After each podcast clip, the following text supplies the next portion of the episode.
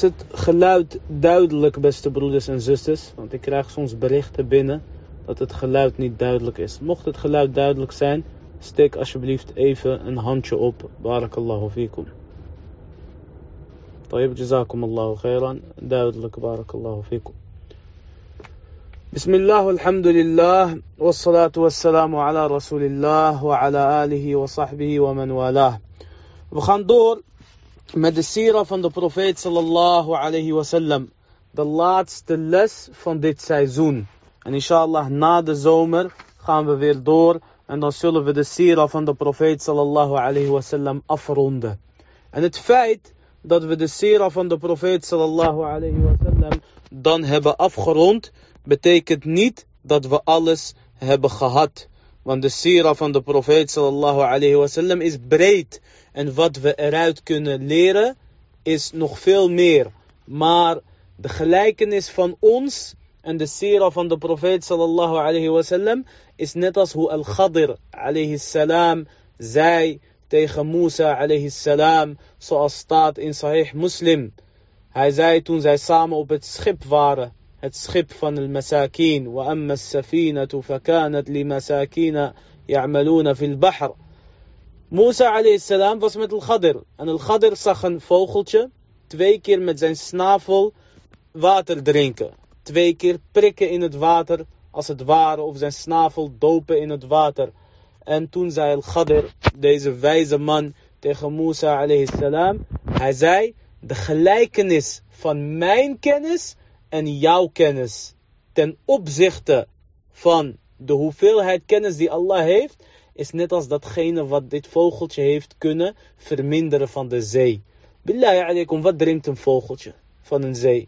Twee slokjes, twee druppels, wat zijn het? Vijf druppels, 10 milliliter. En de zee, ontelbaar hoeveel water daarin zit. Dus al-Ghadr is een wali. En volgens sommige geleerden zelfs een nabi, een profeet. En Musa alayhi salam is zonder twijfel een van de vijf beste profeten, Ulul Azm. Ibrahim, Noor, Musa, Isa en onze profeet Mohammed sallallahu alayhi wasallam. En deze twee bij elkaar, Al-Khadr en Musa, die hebben bergen van kennis. Maar toch zegt Al-Khadr alayhi salam, jouw kennis en mijn kennis ten opzichte van kennis van Allah is niks. Net als wat dit vogeltje heeft kunnen verminderen van de zee. Wat we in deze Sira les gaan behandelen, barakallahu fikum, zijn twee belangrijke zaken. Twee belangrijke zaken. Allereerst hadithatul ifk. Een bekend verhaal wat is gebeurd. Een ramp, of beter gezegd een beproeving, die onze moeder Aisha radiallahu anha heeft meegemaakt. En wat we ook willen behandelen, als we genoeg tijd hebben, dat is Sulh al-Hudaybiyah een belangrijke vredesakte die is gesloten in de islam. En beide zijn een lezing op zich. Nou, we zullen het algemeen plaatje geven wat we eruit kunnen halen. En zodat je in ieder geval een algemeen beeld hebt. Bi'idnillahi ta'ala. De profeet sallallahu alayhi wasallam die was bezig in een van zijn ghazawat. Hij was bezig in een van zijn ghazawat. En de profeet sallallahu alayhi wasallam had meerdere vrouwen. Wanneer hij sallallahu alayhi wasallam op reis zou gaan, dan zou hij loten wie van zijn vrouw, wie van zijn vrouwen mee kan op reis. En in deze reis, Ghazwat Benul Mustaliq, dus het slagveld van Benul Mustaliq, is Aisha radiyallahu anha meegegaan. En subhanallah, de profeet sallallahu alayhi wasallam was heel aardig in de omgang met zijn vrouwen. Niet net als sommige mensen vandaag de dag, hardvochtig en ook bijvoorbeeld controlefreaks. De profeet sallallahu alayhi had de controle. Van jou als man wordt gevraagd dat je de controle hebt, maar je moet geen controlefreak zijn. En de profeet sallallahu alayhi was extra aardig wanneer hij met zijn vrouwen op reis was. Aisha radiallahu anha vertelt vele verhalen toen zij met de profeet sallallahu alayhi wasallam op reis was. Ja, je moet je voorstellen, de profeet sallallahu was een keer bezig met een ghazwa. Met een slagveld, onderweg of terug.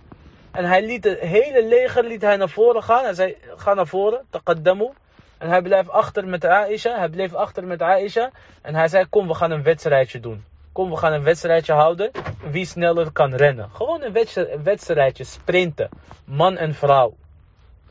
Kamis, mashallah, baard en de juiste bedekking. Moet je je voorstellen dat deze twee met z'n tweeën een sprintje aan het trekken zijn. En geen normale broeder of zuster. De profeet sallallahu alayhi wa sallam en Aisha radiyallahu anha. Wama adraka ma Aisha. Aisha is de grootste vrouwelijke geleerde die deze umma heeft gekend. En zoals de dichter zei, ولو أن الرجال كمثل عائش لفضلت النساء ولو أن النساء كمثل عائش لفضلت النساء على الرجال Als alle vrouwen net als Aisha waren, dan waren de vrouwen zonder twijfel beter dan de mannen. Ala kulli haal, de profeet sallallahu alayhi wa sallam, die trok dus een sprintje met Aisha. Een wedstrijdje hadden zij. En Aisha haalde de profeet sallallahu alayhi wa sallam in. Aisha, die haalde de profeet sallallahu alayhi wa sallam in. Want zij zei, we hadden, ik had weinig vlees. Ze was heel mager of dun, radiyallahu anha. En na een tijdje, in een andere reis, liet de profeet sallallahu alayhi wa sallam leger weer naar voren gaan. Na een x aantal jaar. En Aisha zei, ondertussen was ik wat dikker geworden. En ze was wat aangekomen. En alhamdulillah, het ging steeds beter met de moslims. En er was steeds meer voedsel. Ma'al usri yusra, ma'al usri yusra. En zij zei, weer trok ik een sprintje met de profeet sallallahu Weer hielden wij een wedstrijdje. En ze zei, dit keer haalde de profeet sallallahu alayhi wasallam mij in. En toen zei de profeet sallallahu alayhi wasallam, hadihi bitilk. Yani het staat 1-1. Deze in plaats van de vorige. Deze in ruil van de vorige. Het staat 1-1. Ook had Aisha een keer een probleem tijdens haar reis. Namelijk dat ze haar ketting kwijt was. En deze ketting had ze geleend van haar zus Asma bint Abi Bakr. Radiyallahu anhuma wa anil jami'. Al-Muhim, Aisha radiyallahu anha, die was haar ketting kwijt. En de profeet sallallahu alayhi wa sallam liet een heel leger zoeken naar een ketting. Waarom zei de profeet sallallahu alayhi wa sallam niet... Aisha, het is een ketting, ik ben bezig met een leger, ik ben een regeringsleider, dit is een staat, dit is een land, we zijn bezig, we zijn belangrijk. De profeet sallallahu alayhi wa sallam waardeerde de emoties van zijn vrouw en de emotionele waarde die iemand kan hebben. Ala kulli. Wat je leert uit de profeet sallallahu alayhi wa sallam, wat je leert van de profeet sallallahu alayhi wa sallam, was dat hij niet zijn vrouwen achteraan rende. Zoals vele mannen vandaag de dag doen, of halve mannen. Ze rennen achter hun vrouwen aan. En de wil van zijn vrouw is wet. Ja. Zij is eigenlijk de man in huis, om dat heel simpel, simpel te zeggen. Dat deed de profeet sallallahu niet. Maar wat je ook zeker leert van de profeet sallallahu alayhi en dit is waar ik naartoe wil gaan, is dat de profeet sallallahu niet onnodig nee zei. Geen nee zeggen als je ja kan zeggen. Dus zeg alleen nee als het niet anders kan. Maar niet nee om het nee zeggen. Zeg zoveel mogelijk ja en probeer zoveel mogelijk mee te denken en te waarderen. Ala kulli hal, de Aisha radiallahu anha was dus haar ketting kwijt. En de profeet zocht en hij liet iedereen meezoeken. Maar het water raakte op. Het water raakte op. En mensen gingen klagen bij Abu Bakr. Radiallahu anhu. Ze zeiden, ja Abu Bakr, kijk, door Aisha. Haar ketting die is kwijtgeraakt. Een heel leger zit hier zonder water. En, en Abu Bakr radiallahu anhu, die ging naar Aisha radiallahu anha. En zij zei, de profeet sallam was op mijn schoot aan het slapen. En Abu Bakr die prikte mij. En hij zegt, door jou is dit gebeurd. En jij bent de reden, et cetera. En hij, hij stak zijn vinger in haar zij. En net als iemand die, die een ander iets kwalijk neemt. Maar Aisha zegt, ik kon niet bewegen, want de profeet die, die sliep uh, tegen mij aan. Ala kulli na een tijdje stond de kameel op. De kameel op, waar Aisha radiallahu anha op zou zitten. En toen deze kameel opstond, ze lieten deze kameel opstaan, toen vonden ze de ketting onder de kameel. Maar in de tussentijd was ayat tayammum neergedaald. Allah Azza liet een vers neerdalen waarin hij zegt subhanahu wa ta'ala dat als je geen water hebt, dat je tayammum kan verrichten. Of het nou met zand is, of met een steen of wat dan ook. Je slaat één keer met beide handen. Kun je gewoon zoeken op YouTube, tayammum. van een betrouwbare persoon of geleerd. Het is gewoon heel simpel. Je slaat met je beide handen één keer op zand. Of je pakt een steen en je veegt je handen daaraf. Dus stel je voor je hebt aarde. Je hebt een bak met aarde, dan doe je zo.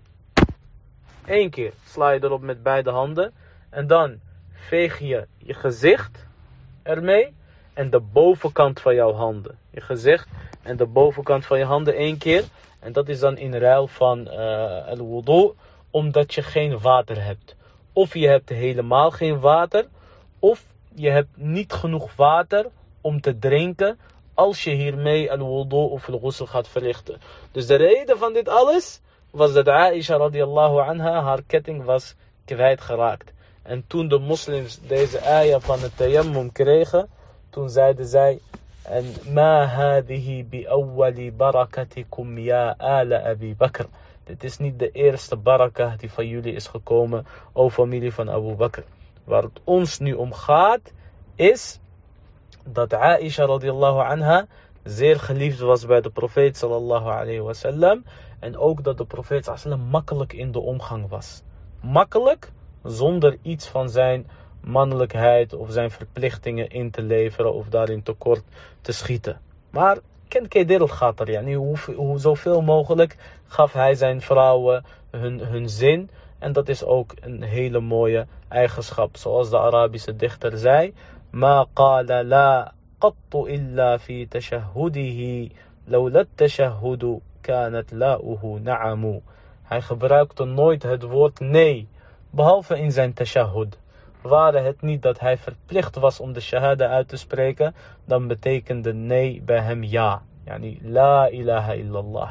Er is geen God behalve Allah, geen ware God die het recht heeft om aanbidden te worden. Je bent verplicht om die la te gebruiken in deze zin. En deze zin heeft elke uh, moslim nodig. Maar voor de rest gebruikte hij geen nee. Het was altijd ja of inshallah, maar dan een serieuze inshallah. Van als het kan, ga ik het doen. Als het niet kan, kan ik niet. Sorry. Maar niet gewoon nee om het nee zeggen. Dit was Aisha radiallahu anha. De profeet sallallahu alayhi wasallam werd gevraagd: Men ahabbu nas ilayk. Wie is de meest geliefde persoon bij jou? En hij zei sallallahu alayhi wasallam gelijk Aisha. En ze zeiden tegen hem: Wamin rijal. En welke man? Hij zei Abuha, haar vader. Dus Aisha was de meest geliefde vrouw bij de profeet sallallahu alayhi wasallam. En subhanallah, elke geliefd persoon bij een belangrijk persoon, die kent haters. Die kent haters. Een lievelingskind, die wordt vaak gehaat door de overige broers en zussen. Eh, de meest favoriete werknemer die wordt gehaat door zijn collega's. En collega's zijn meestal jaloers. Beste leerling van de klas, beste jongetje, beste meisje van de klas, die wordt gehaat door eh, de rest. Meest populair persoon, de meest knappe vrouw, de meest rijke persoon, die worden nou eenmaal gehaat. Sunnatullah fi khalqih. Zoals de Arabische dichter zei, Hasadul fata id lam yanalu sa'yahu. فالقوم أعداء له وخصوم كضرائر الحسناء قلن لوجهها حسدا وبغيا إنه لذميم Zij zijn jaloers op de jongen, omdat ze niet zoveel als hem hebben bereikt. En het volk zijn vijanden voor hem, zijn vijanden tegen hem en zijn tegenstanders. Net als de co-vrouwen, net als de eh, andere vrouwen, en die, samen zijn getrouwd met één man, van, het hele, van de hele knappe vrouw, die uit jaloezie tegen haar zeggen, je bent lelijk. Terwijl zij juist de, knapste is van het stel. Dit is bekend. En beter dan dit is de uitspraak van Umar radiyallahu anhu. Ma an'ama Allahu ala abdin min ni'mah illa alfayta lahu hasida. Er is geen persoon die een gunst heeft gekregen van Allah azawajal, behalve dat je een hater zult vinden. Iemand die jaloers is op diegene. Aisha radiyallahu anha, die had dus mensen die jaloers op haar waren. En je had ook munafiqin. Je had ook de hypocrieten. En die zochten een aanleiding om fitna te creëren onder de moslims. Net als hoe je vandaag de dag nog steeds hypocrieten hebt, die elke aanleiding, elke gebeurtenis aangrijpen om fitna te zaaien in de rangen van de moslims. En als je ziet, de profeet sallam had een hele goede manier van omgang met de hypocrieten. Hij schakelde ze niet uit, maar hij gaf ze ook geen aandacht. Gewoon laten schreeuwen. Laat maar schreeuwen. Verdwijnt vanzelf. Uitschakelen betekent erkenning. Toegeven betekent zwakte. Dan laat diegene schreeuwen totdat diegene een, een ons weegt. Want uh, het nadeel van de confrontatie aangaan is soms groter al win je deze confrontatie. De gevolgen van de confrontatie zijn soms nadeliger ten opzichte van het winnen van deze strijd. We gaan nu beginnen met het beroemd verhaal en deze beproeving die Aisha heeft meegemaakt, namelijk Qissatul Ifk. Het verhaal van de leugen. En de hadith staat in de Sahih en is bekend. En zelfs in Surat al-Nur is een gedeelte gewijd aan dit verhaal.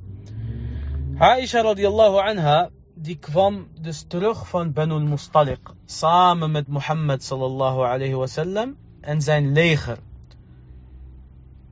Eens per dag zouden de vrouwen hun behoeften gaan doen. De vrouwen die zouden hun behoeften gaan doen. En zij aten heel weinig in die tijd. Aisha radiallahu anha, die zat op een kameel, maar op die kameel zat een houdaj. Een houdaj kan je eigenlijk vergelijken met een soort hutje. Je kan het vergelijken met een soort hutje, een soort van tent, net als een uh, prinsessententje of een prinsessenbed. Maar dat is dan op de kameel. Je vindt hem nog steeds. Het wordt in het Nederlands ook of in het Engels ook houda genoemd. H-O-W-D-A-H. Dit wordt dus geplaatst op een kameel en daarin zit een vrouw, zodat niemand uh, de, de vrouw hoeft te zien. Ze is, dus ze is dus bedekt. Het kan ook op een olifant. Je ziet het ook bij de Indianen. Uh, op een olifant hebben ze ook een soort van hodaj. En dat is dus een hutje met een dak en gordijnen. Aisha radiallahu anha, die ging dus haar behoefte doen. Maar die Aisha radiallahu anha in die tijd, zoals we zeiden tijdens het wedstrijdje met de profeet ze was heel licht. Dus die mensen die dachten dat Aisha al terug was. Want ze gaan niet naar binnen kijken, is Aisha er al of niet. En Aisha was heel licht, dus je kon het niet aanvoelen van zit ze erin of niet. Zij lieten dus de kameel opstaan en zij vertrokken. Dachtende dat Aisha al terug was. Maar Aisha radiallahu anha was nog niet terug. En toen Aisha radiallahu anha terugkwam van haar behoefte, zag zij dat iedereen al weg was. Zij zag dat iedereen al weg was. Ala kulli. Zij ging slapen. Ze, zei, ze zag dat iedereen weg was. En zij ging ergens zitten. En ze viel in slaap. En ze zei, ik blijf hier net zo lang. Totdat ze merken dat ik weg ben. En dan komen ze terug. En dan vinden ze mij. Heel simpel. Zij zijn mij nu kwijt. Ze hebben dat niet door.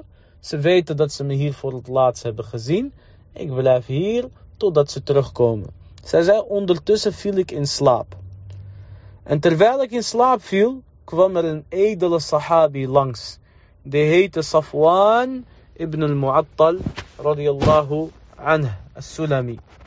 En hij was ook iets te laat, omdat hij bezig was of wat dan ook. En Mohima kwam dus later om de leger weer, of het leger weer in te halen. En hij zag dus Aisha. En hij kende Aisha van vroeger, voordat de hijab verplicht werd gesteld. Dus hij herkende Aisha radiyallahu anha. En toen hij Aisha zei, toen Aisha zag, zei hij inna lillah wa inna ilayhi raji'un. Wat is er met jou aan de hand? Hoe komt het dat je hier bent achtergebleven? Aisha radiyallahu anhu zei, ik zei helemaal niks. Zij zegt radiyallahu anha, hij gaf mij zijn kameel en hij zei, stijg op de kameel. En hij liep naar achter. Ze zei, ik ging op de kameel, ik zat op de kameel. En hij pakte de kameel bij zijn teugels en hij liep snel om de mensen bij te halen. Dus de mensen hadden helemaal niet in de gaten Aisha radiallahu anha weg was. En Safwan radiallahu anha, die kwam snel met Aisha radiallahu anha. Tot hier aan toe, niks aan de hand. Tot hier aan toe, niks in de hand. Niks aan de hand. Maar totdat Aisha radiallahu anha weer terugkwam, toen zagen de mensen dat Aisha radiallahu anha niet in het leger was. Hadden niet eens door dat ze weg was. Maar zij was dus op een kameel van Safwan radiallahu anha. En zij kwam dus met deze man. En hier kan je twee dingen doen. Je kan het glas half vol zien. Kan vragen wat is er gebeurd. Maar je kan ook gelijk van het slechte uitgaan. En dit is wat de munafiqeen deden. Was niet vreemd, want het zijn dus munafiqoon. En zij zeiden, Aisha radiallahu anha is vreemd gegaan met Safwan. Aisha heeft zina gepleegd. Moet je voorstellen. De vrouw van de profeet sallallahu alayhi wasallam wordt beschuldigd van zina. Waarom? Omdat deze munafiqeen de profeet sallallahu alayhi wasallam willen breken. Maar de ramp is dat sommige van de sahaba hebben meegedaan. Sommigen hebben de munafiqeen nagepraat. En hier komt het probleem vandaag de dag. Wat wij hebben.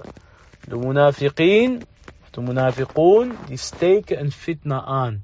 Maar sommigen van ons, die praten onbewust munafiqeen na.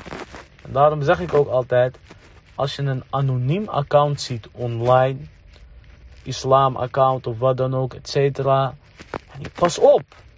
Want het kan tien jaar goed gaan. Het kan één jaar goed gaan. Het kan duizenden posts goed gaan.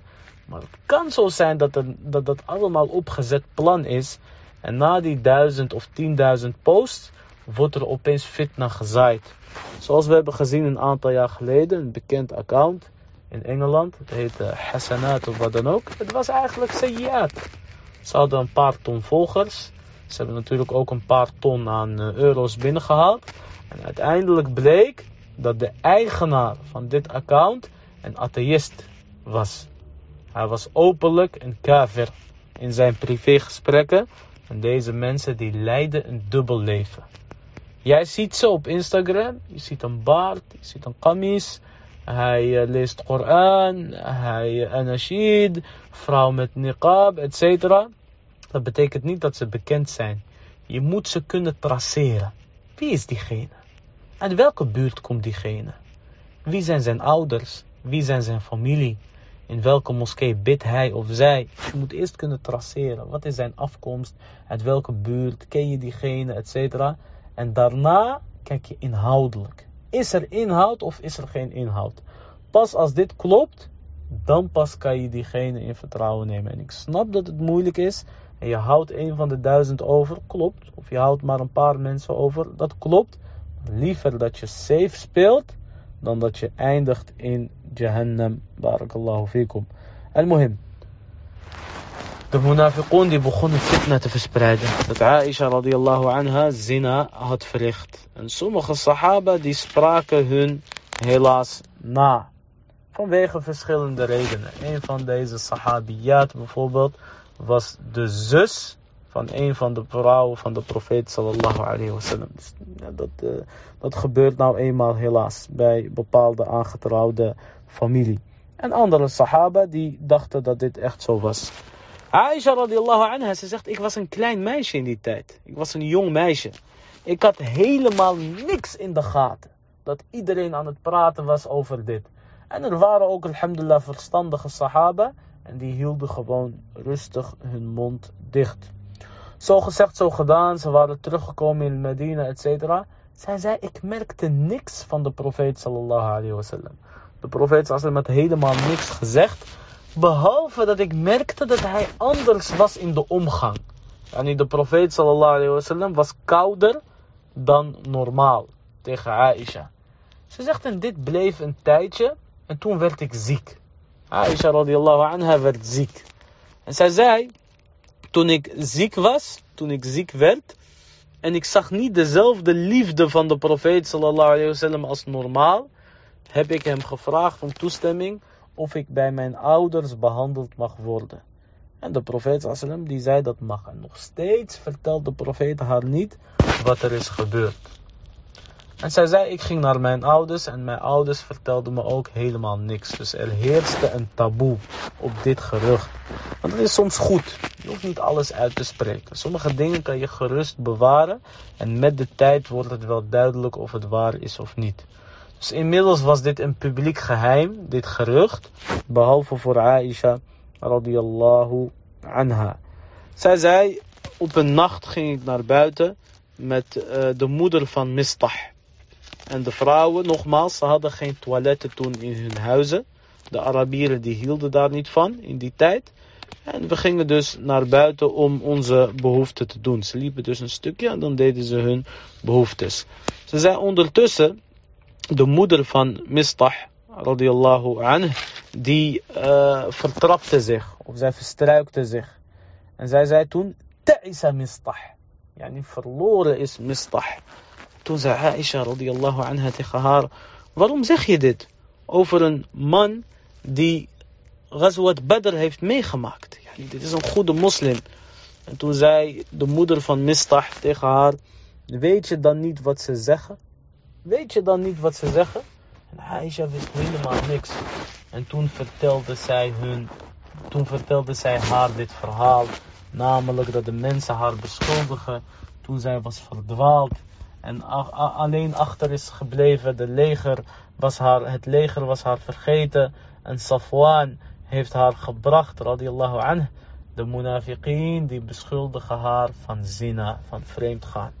En Aisha radiallahu anha zei, ik ging terug naar huis en ik begon te huilen totdat er geen tranen meer waren. En de moeder van Aisha die probeerde haar een beetje te kalmeren. En ze zei, ja Aisha, het is normaal. Elke man eh, die meerdere vrouwen heeft en hij houdt specifiek van één vrouw extra. Het is normaal dat zij bepaalde haat gaat ondervinden, et cetera. En dat gebeurt. Aisha zei, ik bleef huilen. En toen kwam er een vrouw van Al Ansar. En zij zei, ja Aisha, mag ik met jou meehuilen? En Aisha die gaf haar toestemming. Ze zegt, terwijl ik aan het huilen, huilen, huilen was, kwam de profeet sallallahu alayhi wasallam naar binnen. En hij zei, ja Aisha, als jij dit hebt gedaan, toon berouw aan Allah en vraag om vergeving. Want Allah die vergeeft een dienaar wanneer hij een zonde heeft gedaan. En toen zei Aisha radiallahu anha, zij zei, mijn tranen die stopten gelijk. En ik voelde geen enkele traan meer. En ik keek naar mijn ouders, zodat zij de profeet sallallahu alayhi wasallam zouden beantwoorden. Maar mijn ouders zeiden niks. Moet je voorstellen, Aisha wordt beschuldigd van een zina. En ze huilt. En zelfs de profeet zegt, als jij dit hebt gedaan, toon berouw en vraag om vergeving. Want Allah die accepteert het berouw. Yani, zo sterk was het gerucht. Mensen bleven het herhalen. Aisha zei, ik keek naar mijn ouders om te antwoorden. En zij antwoordde niet. En in andere riwaya zei, ze, zei zij tegen haar ouders, antwoord de profeet sallallahu alayhi wasallam. En haar ouders die zeiden, Wallahi la nadri. ماذا نقول لرسول الله صلى الله عليه وسلم Wallahi, wij weten niet wat we moeten antwoorden aan de profeet of tegen de profeet sallallahu alayhi wasallam. Zij zei, ik was toen jong en ik kende weinig van de Koran. Maar zij zei, kijk, een sterke vrouw Aisha radiallahu anha, was. Zij zei toen mijn ouders niet meer uh, konden antwoorden of niet konden antwoorden. Ze zei, ik probeerde te praten, maar ik moest huilen. En daarna zei ik, Wallahi, la atubu ila Allah mimma dhakarta abada. Wallah, ik ga nooit berouw tonen van datgene wat jij hebt genoemd aan Allah azawajal. Ik ga nooit berouw tonen en vergiffenis vragen voor een zina. Waarom? Omdat Aisha simpelweg geen zina heeft verricht. Zij zei, Wallahi, ik ga nooit berouw tonen van datgene wat jij hebt genoemd. Wallahi, ik weet dat als ik ga erkennen wat de mensen zeggen en ik heb dat niet gedaan en Allah weet dat ik dat niet heb gedaan, dan heb ik iets erkend wat ik niet heb gedaan. En als ik nu ga ontkennen dat ik dit heb gedaan, dan weet ik dat jullie me toch niet gaan geloven. Of ik nu, als ik nu ja zeg, dan heb ik iets gezegd wat ik niet heb gedaan. En als ik zeg nee, Ik weet, jullie gaan mij toch niet geloven. Maar ik zeg zoals de vader van Yusuf, Yaqub alayhi salam. Ze zei, ik, ik was zijn naam kwijt. Ik kende zijn naam niet. Ze zei maar, ik zeg zoals Abu Yusuf zei. De vader van Yusuf alayhi salam. فصبر جميل والله المستعان على ما تصفون. Ze zei, een mooie geduld. Ze zei, ik zeg net als hoe Abu Yusuf zei, Yaqub alayhi salam, een mooie geduld. Yani geduld zonder te klagen, zonder te schreeuwen, zonder te roepen. Wallahu al-musta'anu ala ma tasifun. En Allah is degene die om hulp wordt gevraagd over datgene wat jullie mij mee omschrijven of mee willen omschrijven. En de openbaring die daalde neer op de profeet sallallahu alayhi wasallam. En alhamdulillah, haar bevrijding die kwam van Allah azza wa jal. Haar bevrijding die kwam van Allah azza wa jal. En die staat ook uitgebreid vermeld in Surat An-Nur. De profeet sallallahu alayhi wasallam die reciteerde deze verzen. En toen zei de moeder van Aisha radiyallahu anha Qumi ila Rasulillahi sallallahu alayhi wa sallam. Sta op en bedank de profeet sallallahu alayhi wa sallam. Zij zei, Wallahi, ik bedank niemand behalve Allah. Want Allah is degene die mij heeft bevrijd. Kijk hoe Aisha radiallahu anha, anha was. Ze was pittig, ze was sterk, Allahumma barik. En ze had een sterk vertrouwen op Allah azza wa jal. Allah azza wa jal zegt in de Koran hij zegt over deze eh, gebeurtenis van Aisha radiallahu anha. Hij zegt, وَالَّذِينَ يَرْمُونَ الْمُحْصَنَاتِ Degene die de kuise vrouwen, de nette vrouwen, valselijk beschuldigen. ثُمَّ لَمْ يَأْتُوا shuhada. Degene die een kuise vrouw beschuldigt met de zina. En daarna niet komt met vier getuigen. Fajliduhum thamanina jalda. Geef hun tachtig zweepslagen. Wala taqbalu lahum shahadatan abada. En accepteer nooit een getuigenis van hun. Humul fasiqoon. En dat zijn de verdorvenen. Dat zijn de slechte bij Allah dus Allah liet dit neerdalen, dit vers. En dit is een nieuwe regelgeving. In de islam mag je niemand een prostituee noemen. Of zoals de jongeren vandaag de dag doen, kech of homo of wat dan ook. Al zou je iemand met je blote oog zinnen hebben hebben zien plegen, dan moet je je mond houden. Dan moet je je klep houden. Je mag het niet zeggen totdat je vier getuigen hebt die dit samen met jou in real life op heterdaad hebben gezien met het blote oog. En niet alleen dat man en vrouw naakt op elkaar lagen, maar echt de daad van gemeenschap zelf. En dat is heel moeilijk en dat is bijna onmogelijk. Wat de islam wil, is dat we elkaars reputatie bedekken en dat we elkaar redden. Waarom? Als er eenmaal is gezegd over een zuster dat zij een prostituee is, je hebt haar reputatie kapot gemaakt. Of de mensen denken dat het klopt, of ze denken van Allahu a'lam of het klopt, maar ik blijf daarvan weg. En hetzelfde over een broeder, maar met name onze zusters worden dit leed aangedaan. Dat ze zomaar worden uitgemaakt voor prostituee. En subhanallah, als je gaat kijken, wat is de reden? De reden is juist omdat ze niet op de oproep van een of andere nietsnut wou ingaan. Of omdat anderen simpelweg jaloers op haar zijn. Allah Azza wa Jal zegt in de Koran, Surat An-Nur, vers 11, over het verhaal van Aisha radiallahu anha. Inna alladhina ja'u bil ifki usbatun minkum. Degenen die met een leugen, met een leugen over Aisha zijn gekomen, dat zijn een groep onder jullie. لا تحسبوه شرا لكم. دينك نيدا ديت سليخت فور يوليس بل هو خير لكم. ديت اس خود فور يولي لكل امرئ ما كسب منهم ما كسب من الإثم. ادرين دي هيفت فور هن ان ان دي فان هن هيفت ان خفالدخ بسترافين والذي تولى كبره منهم له عذاب عظيم. ادرين هيفت ان اندل فان بسترافين ما في dit heeft verzonnen, degene die de grootste aandeel had, voor hem is een geweldige bestraffing. En dat was Aduwallah al-Munafiq Abdullah ibn Ubay. Abdullah ibn Ubay, la'anahullah, het was een bekende hypocriet in de tijd van de profeet sallallahu alayhi wasallam. Maar je moet begrijpen waarom hij een hypocriet was. Want de profeet sallallahu alayhi wasallam, die klaagde over hem bij een aantal sahaba.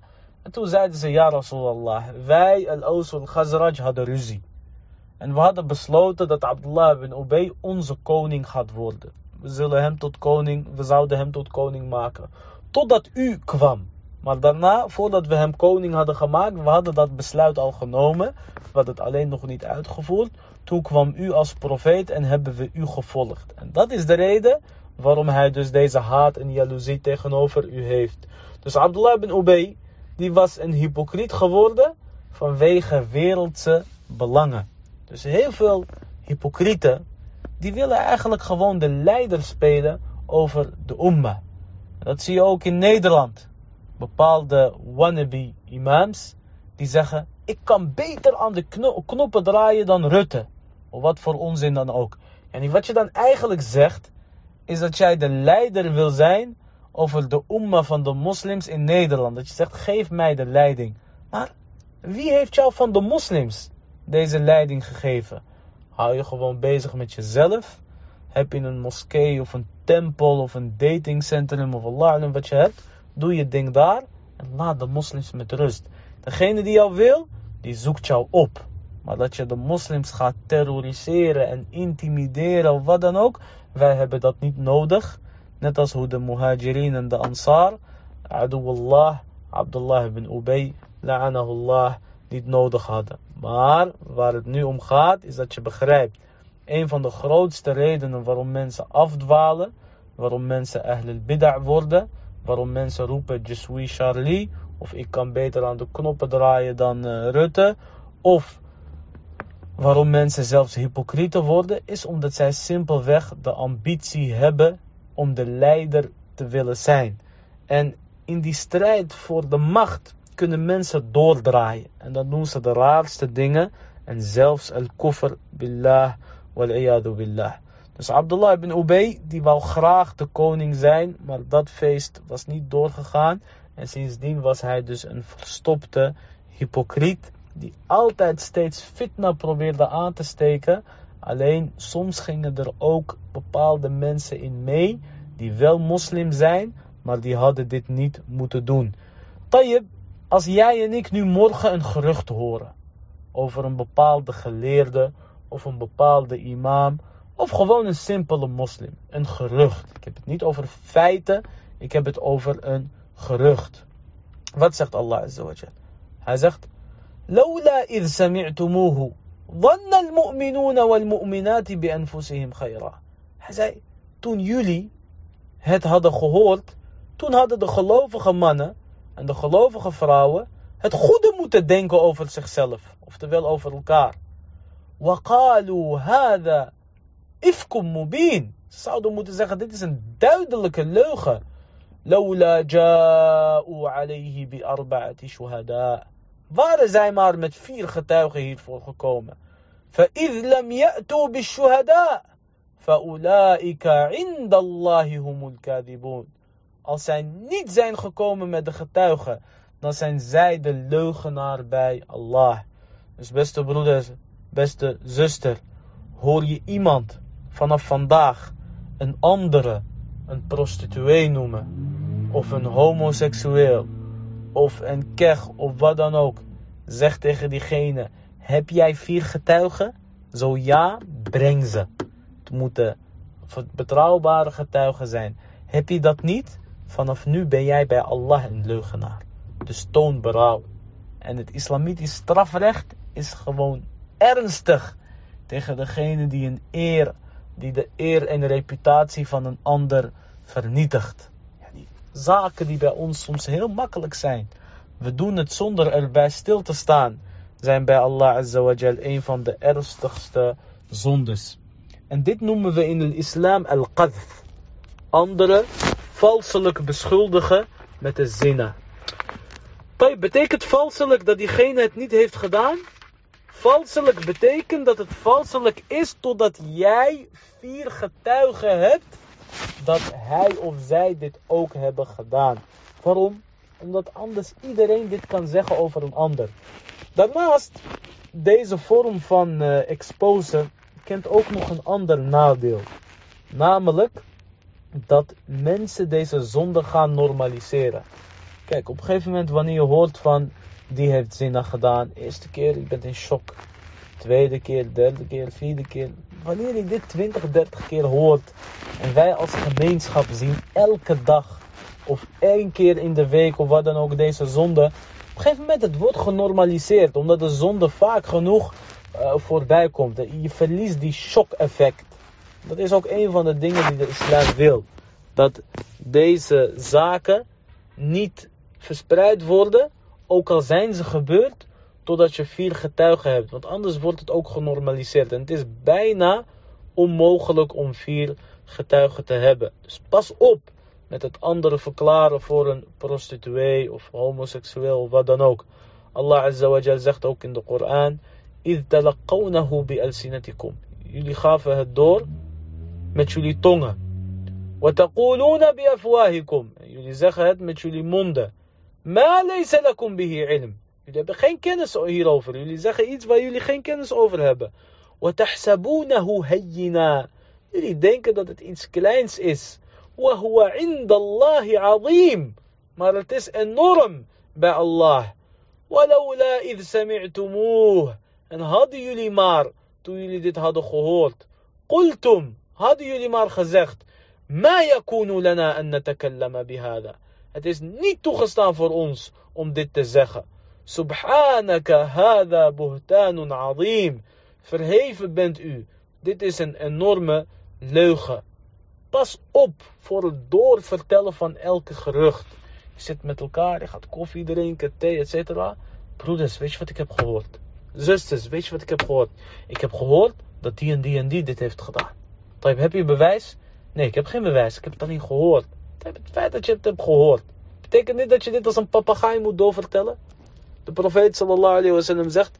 Kafa bil mar'i kadiban.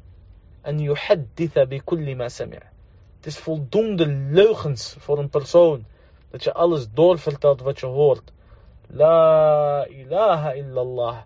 Wat zijn wij toch een sensatiebeluste ummah. Kennis, daar hebben weinig mensen interesse in. Maar sensatie, mashallah, iedereen volste rij en de kijkcijfers die schieten gelijk omhoog. Dat ligt niet alleen aan degene die het verspreidt, maar ook aan de velen die dit ontvangen. En die hier dus een bepaalde zender hebben. Allah waarschuwt ons en hij zegt: Ya'idukumullah. Allah vermaant jullie. En ta'udu li mithlihi abada om nooit meer terug te keren naar zoiets. In kuntum mu'minin. Als jullie gelovigen zijn. En daarna zegt Allah Azza wa in vers 19. Inna alladhina yuhibbuna an al-fahisha. Degene die ervan houden dat verdorvenheid, slechtheid, filladina amanu, dat dit zich verspreidt onder de gelovigen. Lahum adabun alimun fid dunya wal akhirah. Ze hebben een pijnlijke bestraffing in deze wereld en het hiernamaals.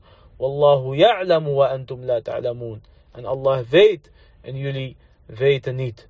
Dus degene die relaties verspreidt, degene die dating apps maakt, degene die een shisha lounge begint of een disco wat dan ook. Dit zijn mensen die ervan houden dat fitna en dat slechtheid, al-fahisha, verdorvenheid zich verspreidt onder de umma van Mohammed sallallahu alayhi wa sallam. Zij hebben een zeer ernstige bestraffing. En ook degene die een ander tot prostituee noemt. Dus de daad van een zina verrichten is één ding. is een hele grote zonde. Maar iemand ook beschuldigen van deze, zaak, van deze zaak, al heb je het gezien met je eigen ogen, is ook een grote zonde. Behalve als je vier getuigen hebt. Zo begrijp je hoe compleet de islam is. En de profeet sallallahu alayhi wasallam die zei ook, de, die, die noemde zeven vernietigende zonden op. Ja, je hebt kleine zonden en je hebt grote zonden. Van deze grote zonden heb je zeven zonden die echt gewoon vernietigend zijn. En de grootste daarvan is de shirk billah, afgoderij. En ook een sihr, tovenarij. En ook het onterecht vermoorden van iemand. En ook qadf al-muhsanat al-ghafilat. Het onterecht beschuldigen, het beschuldigen, beter gezegd. Het beschuldigen, het zij terecht of onterecht, van de naïeve, kuise vrouwen. Dit is een van de zeven zondes. Al-mubiqat, de vernietigers, die jou in Jahannam laten verdrinken. En we hebben hier een lezing over, deel 1 van de grote zonde. Die staat op YouTube en die kan je terugluisteren. En mohim, een van de belangrijke gebeurtenissen die is gebeurd in de islam, is dus hadithatul ifk. Het verhaal van de leugen, dat Aisha radiallahu anha is beschuldigd met zina. En dat de munafiqin dit begonnen door te vertellen. En Allah azza wa jal, die zegt ook in Surat An-Nur, na dit verhaal verteld te hebben, hij zegt subhanahu wa ta'ala, nadat hij heeft gewaarschuwd dit nooit meer, hij zegt in, vers 19, dus in, in, in vers uh, eh, 21 zegt Allah, Ja ayyuhalladina amanu, la tattabi'u khutuwat shaitan. O jullie die geloven, volg de voetstappen van de duivel niet. De voetstappen van de shaitan moeten jullie niet volgen. ومن يتبع خطوات الشيطان فإنه يأمر بالفحشاء والمنكر.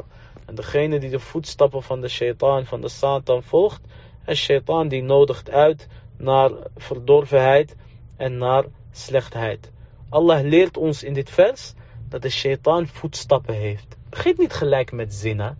Het begint eerst van, ah, dit is alleen mijn klasgenoot, dit is alleen mijn collega. Dit is mijn buurjongen, maakt niks uit. Ja, we hebben contact met elkaar, maar we houden het zakelijk. We zijn gewoon vrienden. We zien elkaar af en toe. We hebben een relatie. Hoe moeten we elkaar anders kennen? Wij zijn serieus. Wij gaan binnenkort verloven. En voordat je het weet ben je niet verloofd, niks. Het enige wat je bent is je bent zwanger. Of je hebt zinnen gepleegd. Zoals de Arabische dichter zei. Nadratun, thumma ibtisamatun, fasalamu, thumma kalamun, famaw'idun wa liqa'u. Zoals de Arabische dichter zei. Het begint bij een glimlach. En daarna een... Het begint bij een blik. En daarna een glimlach en daarna een begroeting en daarna een praatje houden en daarna een afspraak, een date en daarna een ontmoeting. Dus het begint bij die blik. Daarom leert de islam ons om je blik neer te slaan. Is het moeilijk? Ja, het is heel moeilijk. Vooral in 2021. Maar dit is de enige oplossing. De islam is de enige oplossing. Lukt niks, is men in de zonde gevallen, dan zijn wij verplicht om elkaar te bedekken. Al heb je iets gezien met je eigen ogen. En mogen Allah Azawajal degene vernietigen die zijn zuster exposed vanwege een zina of wat voor daad die zij hebben gedaan. Mogen Allah Azawajal degene vernietigen die op Telegram of weet ik veel waar bepaalde video's verspreiden of nog erger deze vrouwen chanteren. Als jij niet dit en dit doet, als jij niet in de prostitutie gaat, dan zal ik deze video's verspreiden. Wallahi, dit soort dieren verdienen het om geklapt te worden, visabilillah. Ze verdienen het om geklapt te worden en om aangepakt te worden. En zij moeten geëxposed worden. En ik doe hierbij een oproep aan iemand die zoiets meemaakt Zwijg niet en neem contact op met de oprechte moslims. En zij zullen je helpen. En zij zullen ervoor zorgen, bi'idnillah, dat deze man niet normaal kan rondlopen over straat als hij dit echt wil doen. En tegelijkertijd doe ik een oproep aan de families die iemand hebben die helaas deze zonde heeft begaan. Doe net als de profeet sallallahu alayhi wasallam. Hoe moeilijk het ook is, zeg tegen diegene, toon berouw aan Allah en vraag om vergeving, want Allah vergeeft alle zonden. Het is normaal dat je dan een beetje afstand neemt. Het is normaal dat het pijn doet. Het is normaal dat je diegene even niet wil zien. Het is normaal dat een man van zijn vrouw scheidt. Of een vrouw van haar man. Wanneer er sprake is van zinnen, et. Dat is normaal. Mag. Dat zou kunnen. Maar alsjeblieft bedek elkaar en maak elkaar niet kapot. Want je maakt niet alleen diegene kapot. Je maakt ook zijn kinderen kapot. Zijn broers, zijn zussen. Nog ergste van alles zijn ouders. Zijn familienaam, zijn gemeenschap. Bedek elkaars zonde en Allah zal ons bedekken. En ken je iemand die een ander exposed, pak diegene aan omwille van Allah Azawajal. Hou diegene tegen. En als het moet, verraad diegene. En nagel diegene aan schandpaal, zodat we dit uitroeien. Hoeveel meisjes hebben wel niet zelfmoord gepleegd na zo'n expose? Hoeveel meisjes, nog erger, die zijn gewoon kafirat geworden. Die zeggen van ik wil niks meer te maken hebben met deze religie. Waarvan de mensen wegkijken. Dit is geen fout van de religie. Dit is de fout van ons. Dat wij wegkijken naar deze problemen. Maar de echte fout ligt bij ons allemaal. Het normaliseren van de haram relaties. En het blijft doorgaan, het blijft doorgaan, het blijft doorgaan. Totdat zina het logisch gevolg is op deze onlogische daad. Ala kulli wat we leren uit dit verhaal van Aisha radiallahu anha, is dat de munafiqeen bestaan. Er bestaan hypocrieten tot de dag van vandaag. En deze hypocrieten die, die staan altijd in slaapstand. Lees Surat al-Munafiqun. Allah heeft een hele surah over al-Munafiqeen. Een van de dingen die, die, die Allah zegt over al-Munafiqun is dat ze er goed uitzien goed gekleed, et cetera. En dat ze kunnen praten. Het zijn babbelaars. Ze kunnen een, praatje houden. Ze zien er goed uit, ze kleden zich goed, zijn knap, mooi lichaam, et cetera, zegt Allah over hun. En als ze praten, je luistert, je bent aangetrokken tot hun woorden. Ze zien er goed uit, goed gekleed, misschien soms zelfs knap, et cetera. En ze kunnen praten. Ze kunnen praten als een brugman. Maar in feite zijn ze munafiqeen. En wallahi, je herkent ze door de standpunten. Willen ze el voor el ummah of willen ze elkaar kapot maken? Een van de tekenen van, van deze munafiqeen is dat ze fitna zaaien in elke vriendengroep. Dat ze fitna zaaien in elke familiebijeenkomst of vriendengroep of onderneming of waar dan ook. Waar deze persoon is, ontstaat fitna. En wat we ook leren uit dit verhaal is dat dus de munafiqeen, de hypocrieten, altijd in slaapstand zijn. Maar dat er ook mensen zijn die deze sensatie accepteren. Pas op voor de hypocrieten. Al is iets, al is iets waar. Al is iets gewoon een feit. Wat wil diegene hiermee? En bijvoorbeeld onze regeringsleiders in, in islamitische landen. Het is niet zoals het hoort. Daarover hoef je je hoeft geen geleerde te zijn om te, om te zien van dat klopt niet. Maar die mensen die, die oproepen tot, tot fitna en chaos, etc. Wat is hun doel? Is hun doel echt het helpen van de islam? Of is hun doel de moslims nog zwakker maken en ons geld nog meer te stelen? Daar moet je goed over nadenken. Wanneer je ziet dat zo'n uh, beweging in Marokko, die Rifijnen, dat zij worden geholpen door Spanje. En ook door Nederland. Wat is hun doel hierachter? Is hun doel echt het helpen van die mensen? Of is het doel kapot maken van die mensen? Ze helpen hun eigen mensen niet. In hun landen zoals het hoort. En liefdadigheidswerk doen ze niet. Dan ga je praten over de grote politieke zaken. Ala. Begrijp dat de hypocrieten elke aanleiding pakken om fitna te zaaien tussen de moslims. En de enige oplossing is, wij moeten niet vatbaar zijn voor geruchten en sensatie. Wat je ook zegt en wat er ook gezegd wordt, etc. Ik heb niks gehoord, ik heb niks gezien, het boeit me niet. Dit is een zonde, dit is inshallah niet gebeurd. En al is het gebeurd, Iedereen heeft recht op bedekking en iedereen heeft recht op berouw. Zolang dit niet stelselmatig gebeurt en anderen schaadt, etc. ik hou me hier niet mee bezig. Ik ben niet bezig met sensatie, ik ben bezig met inhoud. En dit is wat Allah Azza ook zei over eh, het verhaal van Aisha. Dit hadden jullie nooit moeten doorvertellen. Dit hadden jullie direct moeten afkeuren, et cetera. Dus wees een hechte umma. En sluit de rijen. Zodat de munafiqeen, de hypocrieten, niet naar binnen kunnen komen tussen onze rijen. De profeet sallallahu alayhi wasallam die, die, die overlegde ook met de sahaba. Van wat moet ik doen met Aisha radiallahu anha. En de sahaba die niet hadden meegesproken, die verschilden van mening. Sommigen zeiden, ja Rasulallah, we hebben alleen het goede van haar gezien. En anderen die zeiden, ja Rasulallah, er zijn genoeg andere vrouwen. Je hoeft niet per se met haar te blijven. Maar daarna zeiden ze, vraag haar werkster en zij zal de waarheid vertellen. En toen zei haar werkster, ik heb nog nooit iets slechts van haar gezien.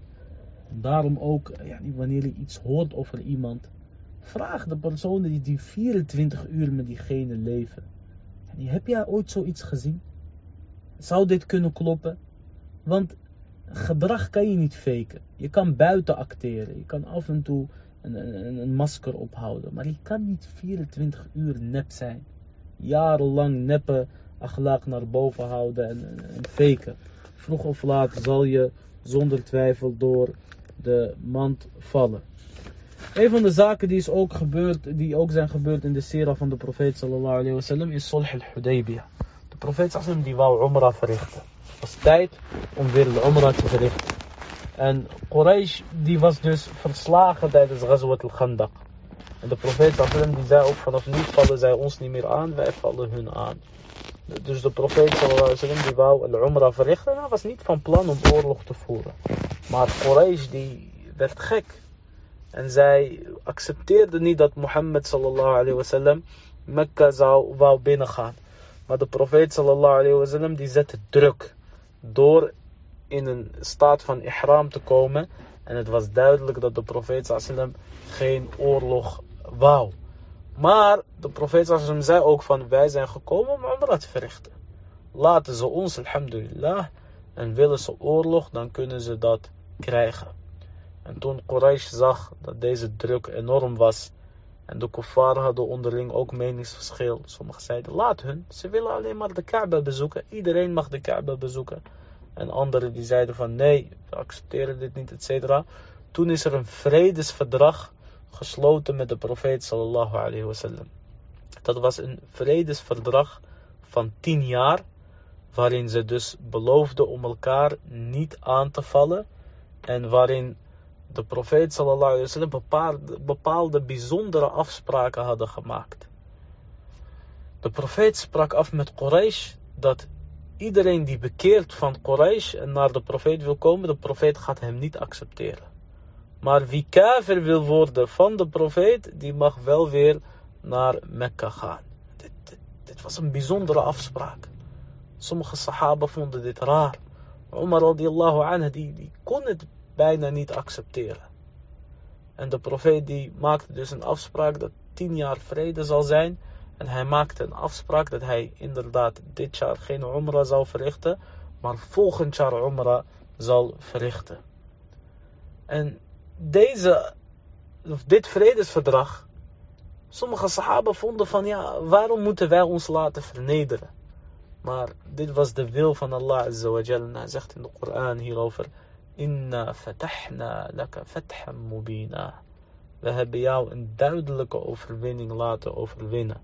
Het feit dat de profeet sallallahu alayhi wasallam nu vredesverdragen aan het sluiten was, dit was een grote overwinning. Hij was nu niet alleen een gelijkwaardige partner, want hij is altijd beter dan hun geweest, maar zij hadden echt wat te vrezen van de profeet sallallahu alayhi wasallam. En door dit vredesverdrag had de profeet sallallahu wasallam alle ruimte om da'wah te gaan verrichten bij de Romeinen en bij de Perzen en bij de andere koningen.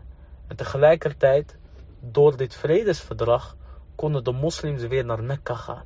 Ze konden weer Umrah verrichten, ze konden handelen, etc. Er was geen oorlog meer. En doordat deze moslims zich mixten met de kuffar, dan werden er steeds meer mensen bekeerd.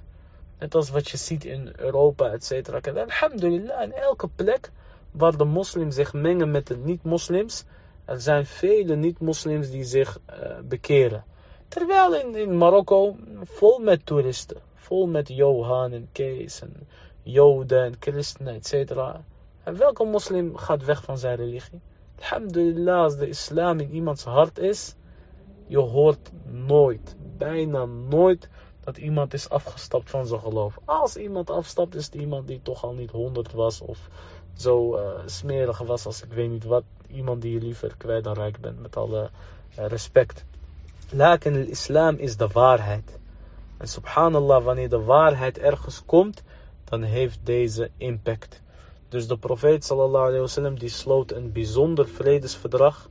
En dit heette Sulh al-Hudaybiyah. Tien jaar vrede. En vanaf nu, dit was echt het begin van het einde van Quraysh. En dit hadden ze zelf stiekem ook door. Deze tien jaar zou uiteindelijk niet uh, volmaakt worden. Quraysh die had dit vredesverdrag verbroken. Maar dit was de perfecte aanleiding voor de profeet sallallahu alayhi om Mekka te veroveren. Inshallah, als we volgend seizoen weer doorgaan met de sira-lessen van de profeet sallallahu alayhi dan zullen we het hebben over dit vredesverdrag en over Fath Mekka, de herverovering van Mekka en wat daarna is gebeurd bij de profeet sallallahu alayhi wasallam. Alhamdulillah, in een aantal maanden hebben we het grootste gedeelte van de sira gehad. En het belangrijkste wat je vandaag moet weten is dat Aisha radiallahu anha onterecht is beschuldigd van een zina. En degene die zegt dat Aisha radiallahu anha een prostituee is, zoals de Rawafid, de Iranezen, vandaag de dag nog steeds zeggen, dit zijn kuffar en dit zijn geen moslims.